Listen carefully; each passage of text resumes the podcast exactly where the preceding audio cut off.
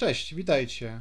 Tu Jakub Jaraczewski i Joanna Roszak z podcastu I tu jest ten problem. W dzisiejszym odcinku chcielibyśmy przybliżyć Wam problematykę sądów i wymiaru sprawiedliwości w Polsce, ale zdajemy sobie sprawę z tego, że jest to temat ogromny i bardzo szeroki i na pewno nie zmieścimy się w jednym krótkim odcinku ze wszystkimi kwestiami spornymi i problematycznymi dotyczącymi władzy sądowniczej w Polsce.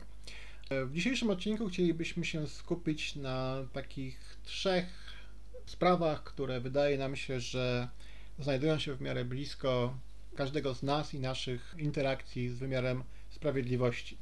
Chcieliśmy Wam pokrótce opisać, jak wygląda podział i struktura sądów i trybunałów w Polsce i troszeczkę rozjaśnić to, który z tych sądów i trybunałów czym się zajmuje. Potem chcielibyśmy porozmawiać o tym, czy w ogóle ten podział i taka rozległa struktura sądów w Polsce ma sens, czy to w ogóle jest tak, że te wszystkie problemy, które my mamy z sądownictwem, nie są e, po części związane z tym, jaka skomplikowana jest jego struktura. No i też chcielibyśmy chwilę pospekulować o tym, jakie są plany rządu, a w szczególności ministra sprawiedliwości i prokuratora generalnego pana Zbigniewa Ziobro co do dalszej reformy tych sądów i zmiany w ich strukturze. Nie będziemy dzisiaj wchodzić zbyt mocno w problematykę niezależności i niezawisłości sądów i sędziów w Polsce i wielu problemów z tym związanych. Tym zajmiemy się w jednym z kolejnych odcinków, ale nie da się jakby przejść obok tego tematu całkowicie obojętnie mówiąc o sądach w Polsce, więc w paru miejscach nam się ta tematyka dzisiaj pojawi, jednakże nie będzie ona jakby podstawowym naszym e, dzisiejszym obszarem zainteresowania. E, zaczniemy w takim wypadku jednak o przybliżeniu Wam, jakie w ogóle mamy te sądy w Polsce, jaki jest ich podział i struktura, i w tym celu oddaję głos Asi. Mówiąc o sądach, zaczniemy oczywiście od konstytucji, tam gdzie większość rzeczy jest opisana. I tak w artykule 175 w Konstytucji jest y, napisane, że wymiar sprawiedliwości w Rzeczpospolitej Polsce, Polskiej sprawują Sąd Najwyższy, sądy powszechne, sądy administracyjne oraz sądy wojskowe. Na pierwszy ogień mm, niech pójdą sądy powszechne, bo to są te sądy, z którymi spotykamy się na co dzień, z którymi większość z nas ma jakieś doświadczenie, na szczęście czy nie. I tak jak myślimy o sądach powszechnych, wielu z nas myśli, że są to sądy cywilne, sądy karne. Nie jest to do końca prawda, ponieważ ten faktyczny podział, ta faktyczna struktura opiera się na sądach rejonowych, sądach okręgowych i sądach administracyjnych, a poszczególne wydziały w tych sądach zajmują się poszczególnymi rodzajami prawa, poszczególnymi rodzajami spraw. I tak na przykład w sądach rejonowych czy okręgowych mamy też wydziały cywilne, karne, Wydział Pracy i Ubezpieczeń Społecznych, rodzinne itd., tak które zajmują się już takimi poszczególnymi sprawami z zakresu tych poszczególnych przepisów. I tu pojawia się też taki pierwszy problem. Nie w każdym sądzie jest każdy wydział. Dotyczy to głównie sądów rejonowych, które są najbardziej powszechne i są tak jakby na samym dole tej struktury. Nie we wszystkich sądach na przykład są wydziały dotyczące prawa rodzinnego, czy wydziały dotyczące prawa i ubezpieczeń społecznych. Czasami musicie iść do innego sądu niż ten, który jest najbliżej Was, żeby załatwić swoją sprawę. Wracając do tej struktury sądów rejonowych, sądów okręgowych, sądów administracyjnych, Y, zacznijmy od tego, jak to wygląda w Konstytucji. W artykule 175 jest napisane, że wymiar sprawiedliwości w Rzeczpospolitej Polskiej sprawują y, Sąd Najwyższy, sądy powszechne, sądy administracyjne oraz sądy wojskowe. I zacznijmy od sądów powszechnych, ponieważ, no, jak sama nazwa wskazuje, one są najbardziej powszechne i z nimi spotykamy się najczęściej. Struktura się opiera na trzech rodzajach sądów: sądach rejonowych, sądach okręgowych i sądach apelacyjnych.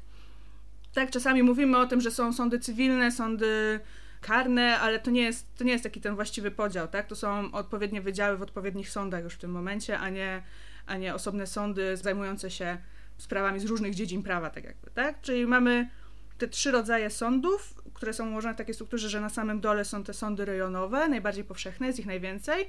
Kolejne są sądy okręgowe i na samej górze są sądy apelacyjne. Większość spraw trafia do sądów rejonowych. One mają najszerszą tę właściwość rzeczową, czyli ten zakres swoich obowiązków. I jeżeli one orzekają w pierwszej instancji, czyli są tym pierwszym murem, na który napotyka petent sądowy, to w tym momencie, jeżeli się nie zgadzam z tym wyrokiem, te sprawy trafiają wyżej, do drugiej instancji, czyli do sądu okręgowego. Jeżeli w sądzie okręgowym trafia nasza sprawa jako do pierwszej instancji, ponieważ są, jest taki zakres spraw, którymi zajmują się tylko i wyłącznie sądy okręgowe, z racji tego, że są na przykład to sprawy dotyczące znacznych sum pieniędzy, tak, powyżej 75 tysięcy złotych, albo 75 banknotów 1000 złotowych, które planują obecnie rząd, czy na przykład dotyczące jakichś delikatniejszych spraw rodzinnych, tak, to w tym momencie one trafiają do sądu okręgowego jako do sądu pierwszej instancji. Jeżeli sąd, y, nie zgadzamy się z tym wyrokiem wydanym przez sąd okręgowy, to one trafiają w drugiej instancji do sądów apelacyjnych. I tutaj też mamy taki pierwszy problem, ponieważ nie w każdym sądzie zawsze jest wydział zajmujący się tymi sprawami który, z którą przechodzimy do sądu, tak? Nie każdy sąd rejonowy na przykład ma Wydział Prawa Pracy i Ubezpieczeń Społecznych albo Wydział Gospodarczy. Czasami musimy nie iść do najbliższego dla nas sądu, tylko nasza sprawa trafi do sądu rejonowego z rejonu obok albo do sądu okręgowego, ponieważ tam jest dopiero wydział zajmujący się tym zakresem, którego dotyczy nasza sprawa. Poza sądami powszechnymi, czyli tym sądem okrę rejonowym, okręgowym i apelacyjnym, nad nim znajduje się również Sąd Najwyższy, który można traktować czasem jako takie to dwójpół instancji, czy czasami jako trzecią instancję, ponieważ jeżeli nasza sprawa przejdzie przez sąd pierwszej instancji, sąd drugiej instancji, to możemy skierować sprawę kasacyjną tak do Sądu Najwyższego i o Sądzie Najwyższym już opowiem Kuba. No właśnie, słuchajcie, Sąd Najwyższy. Sąd Najwyższy w Polsce jest takim e, specjalnym sądem, w którym kulminuje się droga szeregu, ale nie wszystkich wątków sądownictwa polskiego. Sąd Najwyższy w aktualnym swoim ustroju zorganizowany jest w ten sposób, że znajduje się tam pięć izb. Jest sobie Izba Cywilna, która, jak sama nazwa wskazuje, rozpatruje sprawy cywilne, karna, tak samo, Izba Pracy i Ubezpieczeń Społecznych, też jej funkcja jest w miarę oczywista, oraz dwie stosunkowo nowe izby, ponieważ wprowadzone za czasów rządów Prawa i Sprawiedliwości, czyli Izba Kontroli Nadzwyczajnej i Spraw Publicznych oraz Izba Dyscyplinarna. I to wokół tych dwóch nowych izb ogniskuje się duża część kontrowersji dotyczących Sądu Najwyższego, ponieważ zostały one powołane niedawno, zostały one wyposażone w kompetencje zarówno będące przeniesieniem niektórych spraw dotychczas obsługiwanych przez istniejące izby Sądu Najwyższego, ale też zostały nowe kompetencje, zwłaszcza dotyczy to Izby Dyscyplinarnej, która jakby przejęła całość postępowań e, dyscyplinarnych wobec sędziów i prokuratorów w Polsce. Oczywiście problem tutaj przede wszystkim dotyczy tego, w jaki sposób te izby zostały obsadzone. Zostały obsadzone z udziałem Krajowej Rady Sądownictwa, która z kolei sama została też przechwycona przez polityków i obsadzona e, przede wszystkim przez e, parlament. No i istnieją szereg wątpliwości dotyczących niezależności tych izb, a w szczególności Izby mm, Dyscyplinarnej. Poza tymi kontrowersjami, Sąd Najwyższy mm, przede wszystkim zajmuje się rozpatrywaniem kasacji i skarg kasacyjnych od e, wyroków e, sądów niższego rzędu. Jest też najwyższą instancją sądownictwa wojskowego, ale o tym za chwilę. I y, właśnie stanowi taki jakby najwyższy punkt tego naszego sądownictwa, do którego nasza sprawa może trafić, ale nie musi. W większości przypadków złożenie skargi kasacyjnej kasacji do, od wyroku, która zakończy się rozpatrzeniem tego przez Sąd Najwyższy, nie jest jakby automatyczne. Nie we wszystkich sprawach możemy to zrobić. Muszą istnieć faktycznie poważne naruszenia prawa, które miały miejsce po drodze całej naszej przygody z wymiarem sprawiedliwości i tylko wtedy te sprawy do Sądu Najwyższego mogą trafić. Więc jakby e, rozpatrzenie sprawy przez Sąd Najwyższy w Polsce nie jest kwestią automatyczną. I na tym Sądzie Najwyższym kończy się struktura e, sądownictwa powszechnego, ale oczywiście nie wyczerpuje to e, naszego polskiego zestawu sądów, ponieważ mamy jeszcze sądy administracyjne. I tak, sądy administracyjne są tak jakby obok, są osobno względem sądów powszechnych, tak, czyli tymi zajmującymi się sprawami cywilnymi czy karnymi.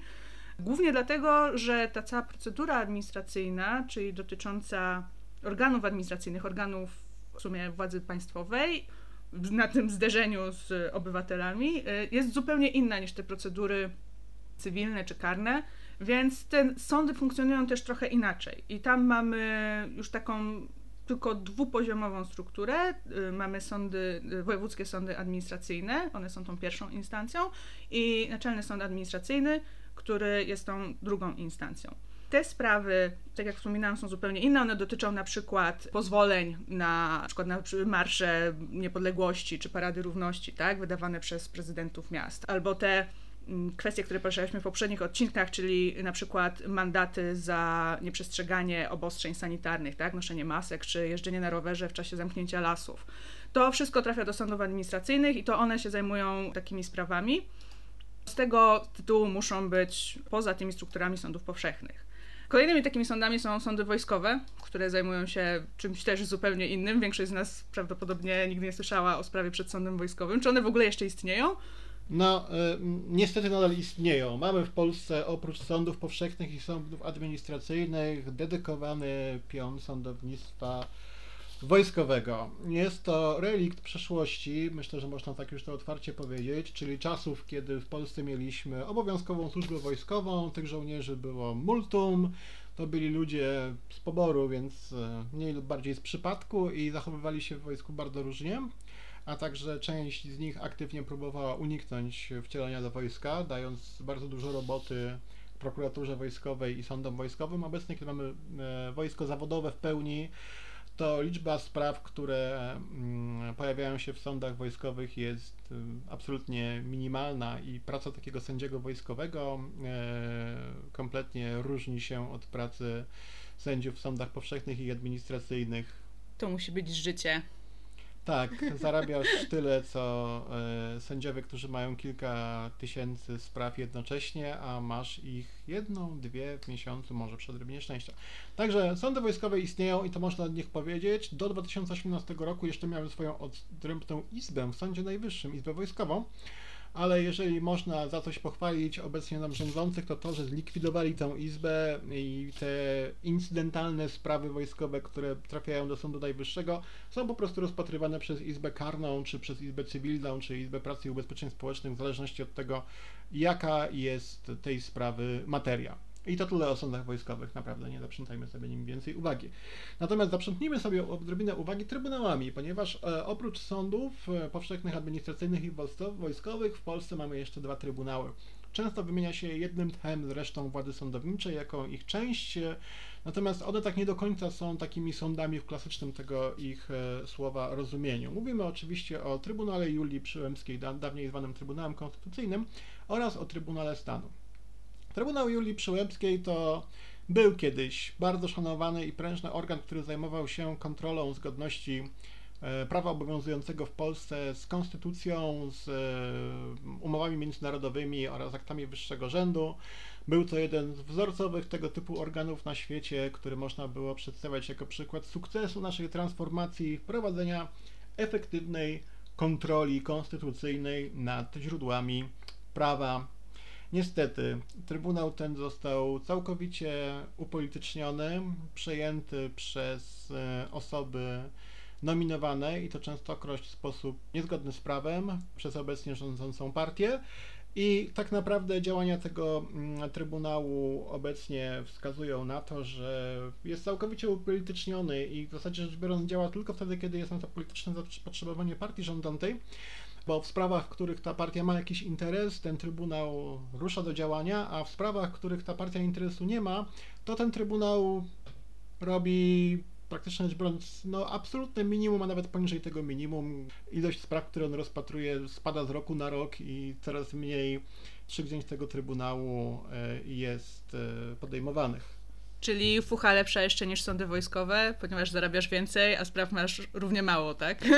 Tak, ja myślę, że osoby, które e, pracują w Trybunale Julii Przyłębskiej, dawniej zwanym Trybunałem Konstytucyjnym, nie narzekają na przepracowanie, delikatnie mówiąc.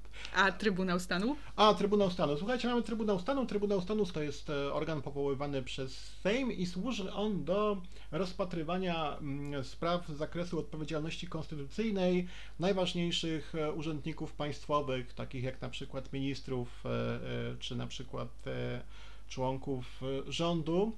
Problem z Trybunałem Stanu polega, że tak naprawdę w Polsce Trybunał Stanu nie funkcjonuje z uwagi na to, że żeby postawić kogoś przed Trybunałem Stanu, to trzeba tą sprawę poddać najpierw pod rozstrzygnięcie Sejmu, który decyduje o tym, czy ktoś stanie przed Trybunałem Stanu, czy nie.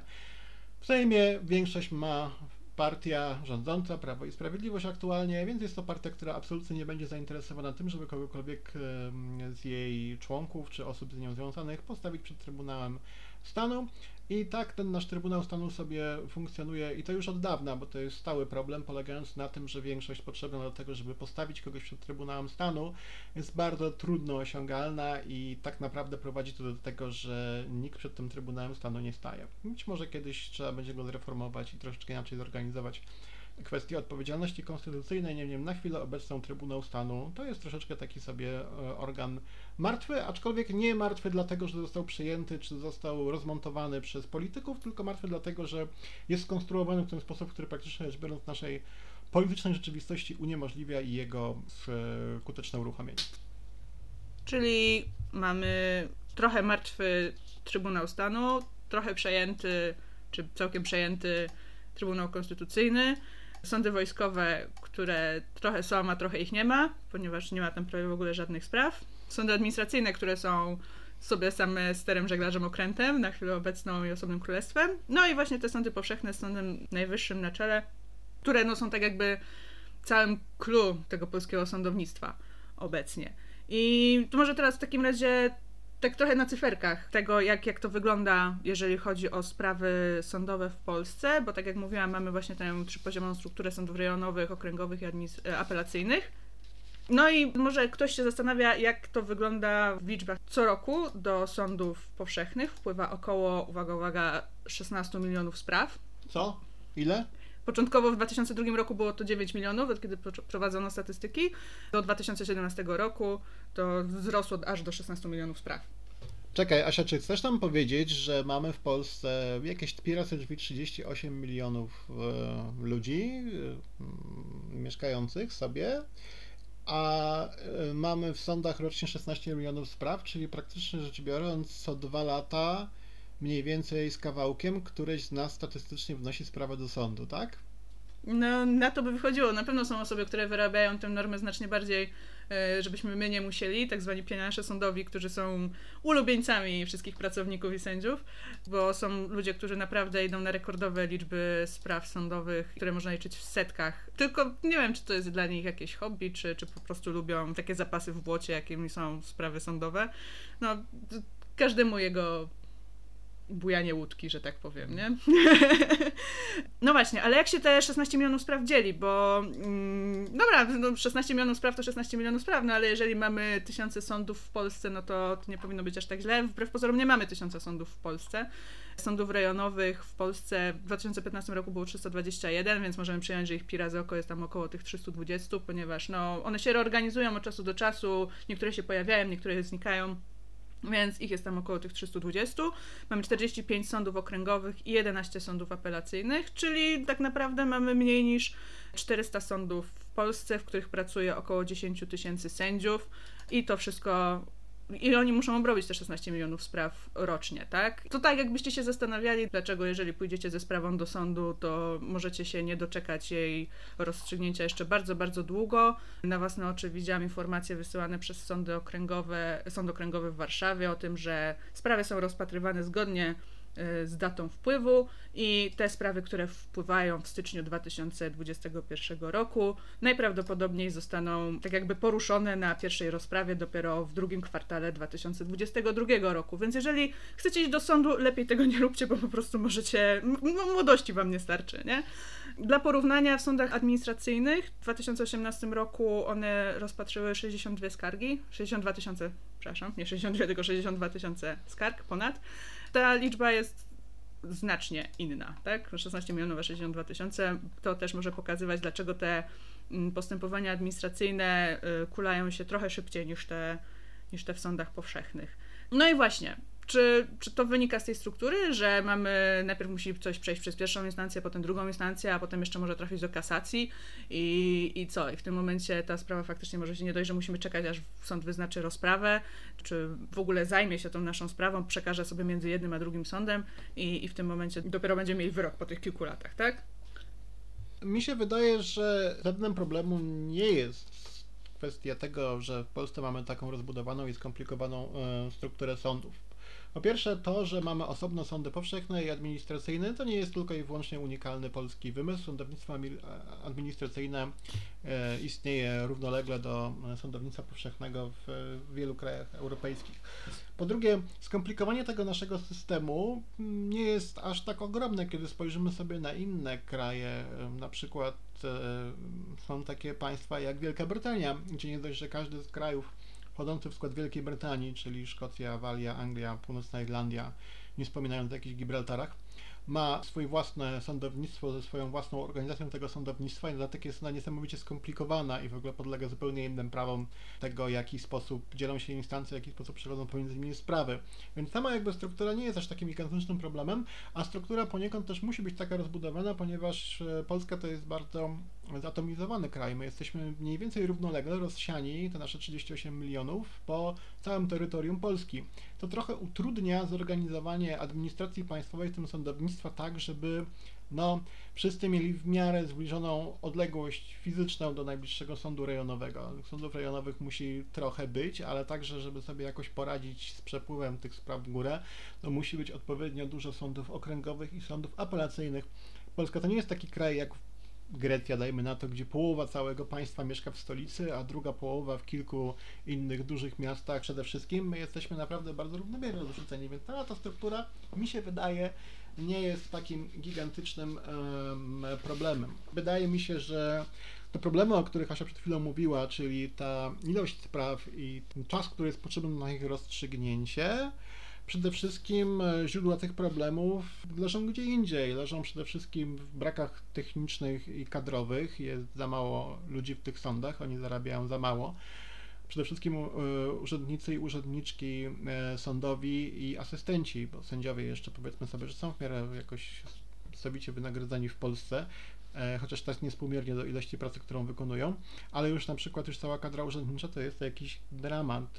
Asystenci i asystentki, którzy przygotowują projekty uzasadnień czy postanowień sądu i wiele czynności technicznych, zarabiają naprawdę śmieszne pieniądze w stosunku do ilości pracy, którą muszą to włożyć. I to no jest i problem. w dalszym ciągu jest to budżetówka, nie? Więc zanim dostaniesz jakąś podwyżkę, czy, czy w ogóle będzie rozpatrzone, rozpatrzone jakieś wniosek ogólny o to, żeby podwyższyć wynagrodzenia pracowników sądów, to musi to przejść przez Sejm Parlament Wszystkich Świętych, tak?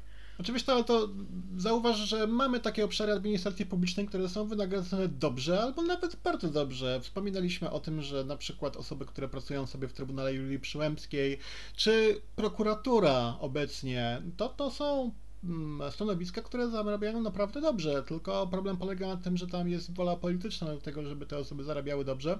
Natomiast jeżeli chodzi o sądownictwo powszechne, to tej woli zdaje się brakuje, pomimo wszystkich zapowiedzi o tym, że sądownictwo jest bardzo ważne i bliskie sercu rządzących i usprawnienie tego sądownictwa to jest jeden z priorytetów, to tutaj dużo się nie zmienia. E, wynagrodzenia to jest jedno, kwestie techniczne. Polskie sądy to są ciągle sądy papierka i teczuszki papierowej i... No ale halo, halo, przepraszam bardzo, w dobie e, pandemii no przechodzimy tutaj jakąś cyfryzację w sądach. Co prawda cyfryzacja wygląda mniej więcej tak, że owszem prowadzą się rozprawy online, ale bardzo często dostajesz link do rozprawy online wysłany zawiadomieniem o rozprawie na papierze. Dobre. Okej. Okay, faktycznie jest tutaj jakiś ten, ale hej, starają się, próbują. E, tak, ale cały czas to jest za mało i to jest zbyt wolno i nadal w Polsce podstawowym środkiem komunikacji pomiędzy sądem a obywatelem jest e, pismo, które musi zostać prawidłowo doręczone na właściwy adres. Powodzenia, jeżeli na przykład chcecie kogoś pozwać, a ta osoba e, w trakcie trwającego latami postępowania zmieni sobie kilkakrotnie adres i będziecie próbowali nawet e, przed rozpoczęciem pierwszej rozprawy tą osobę namierzyć, e, a to na Was, jako na osobie wnoszącej powództwo, spoczywa obowiązek ustalenia adresu osoby pozwanej i poinformowania o nim sądu. Także good luck, jeżeli na przykład po drodze ktoś się przeprowadza albo dwa razy zmienił siedzibę swojej działalności gospodarczej. W każdym razie to, e, więc mamy czynniki jakby po stronie sądownictwa, techniczne i organizacyjne, ale mamy też ogromny problem z tym, jak my w Polsce w ogóle podchodzimy do korzystania z sądów, bo my, Polacy, z różnych powodów uwielbiamy iść do sądu i y, protestować się chociażby o naprawdę śmieszne i trywialne sprawy o nikłej wartości finansowej. Na przykład w Polsce mamy bardzo rozbudowany system całych spraw dotyczących e, wypadków samochodowych, ponieważ praktycznie rzecz biorąc każda kolizja w Polsce czy stłuczka kończy się sprawą w sądzie pomiędzy warsztatem, który naprawia samochód osoby poszkodowanej, a towarzystwem ubezpieczeniowym sprawcy, który posiadał tam ubezpieczenie AC. I mamy cały taki szereg spraw, które idą w Polsce w dziesiątki tysięcy rocznie i ten nasz wymiar sprawiedliwości skutecznie zapychają. Więc to jest z jednej strony problematyka jest związana e, z kwestiami technicznymi, organizacyjnymi i finansowymi po stronie sądów, ale z drugiej strony też pod tym, jak my, Polacy, podchodzimy do kwestii spraw sądowych i też w jak ogromnym stopniu póki co odrzucamy ideę załatwienia spraw polubownie poprzez arbitraż lub mediację, które w Polsce są stosowane w sposób nikły. E, mając pomimo tego, że te instytucje istnieją i moglibyśmy skorzystać, to one są przez Polaków ignorowane i my od razu idziemy do sądu po twardy wyrok, którym będzie można pójść do komornika a nie jesteśmy zainteresowani rozwiązaniami polubownymi. Także wydaje mi się, że problem nie jest tyle struktura, ilość sądów, tylko to, w jaki sposób e, są one wyposażone i to, w jaki sposób my z nich korzystamy. Czasami to też jest kwestia no, trochę głupkowatych przepisów, jeżeli chodzi o procedury sądowe. E, no chociażby tutaj takim super barwnym przykładem była sprawa Amber Gold i tego, jak biedna pani sędzia referent prowadząca sprawę, tak, musiała odczytywać wyrok przez chyba, nie wiem, miesiąc, tak, bo musiała zgodnie z procedurą odczytać całość wszystkich poszkodowanych w tej sprawie i no i to była lista na kilkaset stron, jeżeli nie kilka tysięcy stron, więc owszem, to takie sprawy potem są upraszczane, tak? W sensie, no pojawiło się jakieś rozwiązanie, które miałoby zapobiegać takim absurdom, ale no, procedura jest procedurą i czasami faktycznie to też odwraca się i gryzie w tyłek sędziów, prawników i osoby biorące udział w procesie. Także nie zawsze faktycznie to, to sama struktura per se, ale no dobra, mamy Ministerstwo Sprawiedliwości, które chciałoby ten problem jakoś na, naprawić, tak, no bo oni wiedzą przecież, że nasze sądownictwo jest nie, niewydajne, więc co zaproponowało ostatnio Ministerstwo Sprawiedliwości? Mianowicie spłaszczanie tej struktury sądów, tak? Oni chcą z tych sądów rejonowych, okręgowych i apelacyjnych zrobić dwa rodzaje sądów, które by zajmowały się no, dwoma instancjami. Mniej więcej tak, jak to wygląda przy sądach administracyjnych. No i teraz, czy, czy warto? Bo co to faktycznie zmieni? Jeżeli problem nie leży w strukturze, to dlaczego mieliby spłaszczać tę strukturę dodatkowo, mieliby przeorganizowywać wszystko, mieliby wywracać stół do góry nogami praktycznie? Znaczy mi się wydaje, że mówienie o spłaszczeniu sądownictwa w Polsce i jakiegoś takiej reformy, która by tak naprawdę zreorganizowała kompletnie sądownictwo, to w praktyce jest jeden z kolejnych elementów e, działań Ministerstwa Sprawiedliwości, które ma iść w kierunku e, no, kontroli nad sądami. W jaki sposób? W taki sposób, że na przykład te projekty spłaszczenia, o których dotychczas e, się dowiedzieliśmy, zakładają tak naprawdę powołania wszystkich sędziów na nowo. Jakby wciśnięcie takiego przycisku resetu. Od teraz mamy zupełnie nowe polskie sądownictwo i reorganizujemy je tak kompletnie, że jakby powołujemy na nowych sędziów i oczywiście większość z nich mamy zamiar powołać no, ponownie. Tak, no bo teraz dotychczas było tak, że e, ta Izba Dyscyplinarna Sądu Najwyższego tak pojedynczo wybierała tych niepokornych sędziów, tak, i czy to był sędzia Tuleja, czy sędzia Juszczyszyn, to im się tam dobierali do do togi, bym powiedziała. A y, teraz no, będą mieli, mogli to zgodnie z konstytucją, tak, bo w konstytucji jest zapisane, że w przypadku reformy całego ustroju sądownictwa, no, no można tak jakby powołać tych sędziów na nowo, to będą mogli praktycznie taśmowo tych 10 tysięcy osób y, zrewidować, czy są słuszne, czy są niesłuszne i ich powołać. No właśnie, a wiadomo, że dla aktualnie rządzącej partii są sędziowie lepsi, są sędziowie gorsi, są tacy, którzy orzekają pomyśli partii, są tacy, którzy nie orzekają pomyśli partii.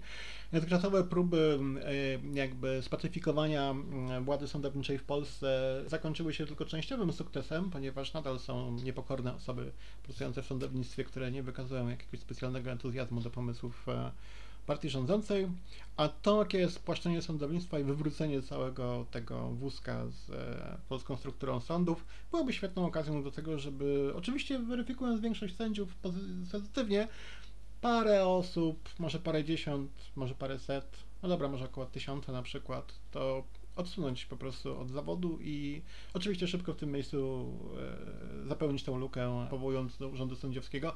Nowe osoby, które już będą wiedziały, czego się od nich oczekuje na wejście, ponieważ będą widzieć to, co się stało z ich poprzednikami i poprzedniczkami.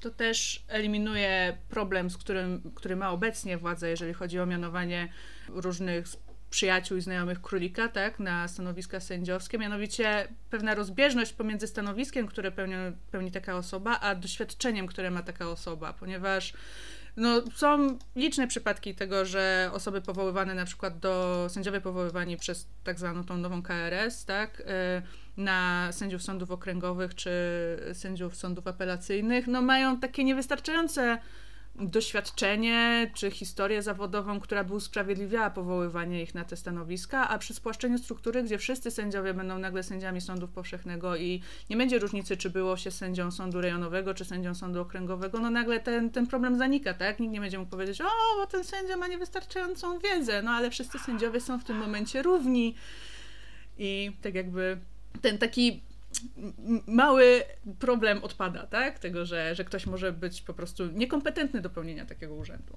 A oczywiście spłaszczenie sądów w nieunikniony sposób skończy się kolejnymi opóźnieniami i przesunięciami, ponieważ jeżeli zlikwidujemy sądy i powołamy ich miejsce nowe, to w niektórych przypadkach e, przeniesienie jakby spraw i ich kontynuowanie będzie kwestią prostą, w niektórych sytuacjach będzie kwestią troszeczkę bardziej skomplikowaną. Jeżeli nam się cały jeden szczebel sądownictwa usunie, to powstanie pytanie, co się stanie ze toczącymi się tam sprawami. A nasze polskie doświadczenia ustrojowe są zazwyczaj takie, że kiedy dochodzi do jakichkolwiek, chociażby najmniejszych zmian w sądownictwie, to kończy się to zawsze niezbyt dobrze dla osób, które z e, tego sądu akurat korzystały. Teraz, kiedy na przykład e, odsunięto od orzekania sędziego Tuleję, to wszystkie jego sprawy toczące się muszą się rozpocząć na nowo i w przypadku takiej drastycznej zmiany struktury sądownictwa to nieunikniony sposób się skończy tym, że toczące się już postępowania albo się przedłużą, bo na przykład trafią do zupełnie nowego sądu, nowy budynek, nowe osoby. Jeszcze można zgubić akta po drodze. E, tak, te nasze teczki papierowe z aktami gdzieś po drodze mogą się zagubić, bo właśnie takie rzeczy w Polsce się gubiły i to się wszystko wydłuży w sposób nieunikniony, ale jak widać w ciągu ostatnich pięciu lat wszystkie te reformy szumnie zapowiadane przez e, Ministerstwo Sprawiedliwości, mając na celu usprawnienie polskiego sądownictwa, poza drobnymi wyjątkami i to naprawdę takimi już e, peryferyjnymi, czyli na przykład e, to ułatwienie odczytywania wyroków w skomplikowanych sprawach karnych, czy zlikwidowanie Izby Wojskowej Sądu Najwyższego, to to jest wszystko takie mm, omijanie najważniejszego problemu i działania pozorowane, które tak naprawdę nie rozwiązują kluczowych, węzłowych problemów polskiego sądownictwa a tylko sprawiają, że atrakcyjniej brzmi hasło wielkiego resetu i zrobienia wszystkiego od nowa, którym można zachęcać elektorat do tego, żeby poparł takie działania, bo przecież jak teraz znowu podejmiemy jakąś radykalną reformę, to na pewno skończy się ona dobrze. Czy się skończy dobrze, mamy wątpliwości. Wydaje mi się nawet, że gdyby doszło do tego spłaszczenia, to skończylibyśmy z znanym nam wszystkim widokiem sędziego czy sędzi pchających korytarzem takiego spłaszczonego sądu wózek z supermarketu z teczkami akt, e, bo zmieniło się dużo, a tak naprawdę nie zmieniło się nic. Y, to jeszcze tutaj można wspomnieć o tym, że taka reforma może być też wylewaniem dziecka z kąpielą, no bo być może w zależności od tego, jak będzie skonstruowana taka reforma ustroju sądów, może ona też dotknąć właśnie tych sądów administracyjnych, które no, działają w, w miarę okej. Okay. W sensie, owszem, te czynności, te wyroki mogłyby zapadać szybciej, tak, bo są to bardzo często sprawy, w których no, nawet czekanie trzy miesiące na wyrok jest, jest zabójcze na przykład dla jakiegoś przedsiębiorcy czy, czy osoby prywatnej, która czeka na jakiś zasiłek, ale no, no w porównaniu z sądami powszechnymi one działają dużo sprawniej i no jeżeli na przykład ta reorganizacja miałaby też w jakiś sposób objąć sądy y, administracyjne, które po pierwsze no, nie, nie przechodziły jakichś takich czystek wewnętrznych jeszcze, no to może to też wpłynąć na coś, co, co w sumie działa całkiem nieźle, tak? I może tylko pogorszyć to, to działanie. To wszystkie jakieś reformy proponowane, to przypomina mi tego mema, tak, gdzie masz ten baniak z wodą, z dziurą, z którego wylewa się wodę i tak przykleja się ten plaster e, pod tytułem hej, wymiana prezesów sądu, albo hej, nowa izba w Sądzie Najwyższym.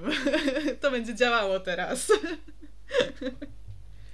Niestety mamy poważne wątpliwości i tu jest ten problem. Słuchajcie, e, następny nasz odcinek będzie poniekąd nawiązywał do tego, po mm, ataku zwolenników Donalda Trumpa na Capitol i po zablokowaniu konta na Twitterze e, Donalda Trumpa pojawił się w Ministerstwie Sprawiedliwości najpierw bardzo ciekawy pomysł powołania w Polsce Sądu Wolności Słowa, który zajmowałby się rozpatrywaniem spraw związanych z wolnością słowa w mediach społecznościowych. Na szczęście w międzyczasie ministerstwo troszeczkę zmodyfikowało ten projekt i nie mówi już o Sądzie Wolności Słowa, ale o Radzie Wolności Słowa. I wszyscy sędziowie w tym momencie takie, Tak, to nie ja. To nie my. Niemniej jednak pomysł istnieje i dlatego w następnym odcinku będziemy chcieli się zająć kwestią wolności słowa w internecie i w mediach społecznościowych, kwestią tego, czy Twitter dobrze zrobił, zabierając Donaldowi Trumpowi login i hasło do jego konta na Twitterze, ale także tym, y, jak wyglądają nasze polskie domorosłe pomysły na to, żeby uregulować wolność słowa i dlaczego są takie niebezpieczne. To cóż, w takim razie do następnego odcinka. Żegnamy się z Wami w tym nowym roku. Mamy nadzieję lepszym niż przyszły, niż przeszły, przepraszam. Mam nadzieję, że lepszy niż 2020, ale pierwsze dwa tygodnie 2021 były tak dzikie, że póki co wstrzymujemy naszą ocenę. Słuchajcie, trzymajcie się, nie dajcie się i do zobaczenia w następnym odcinku. Trzymajcie się, cześć.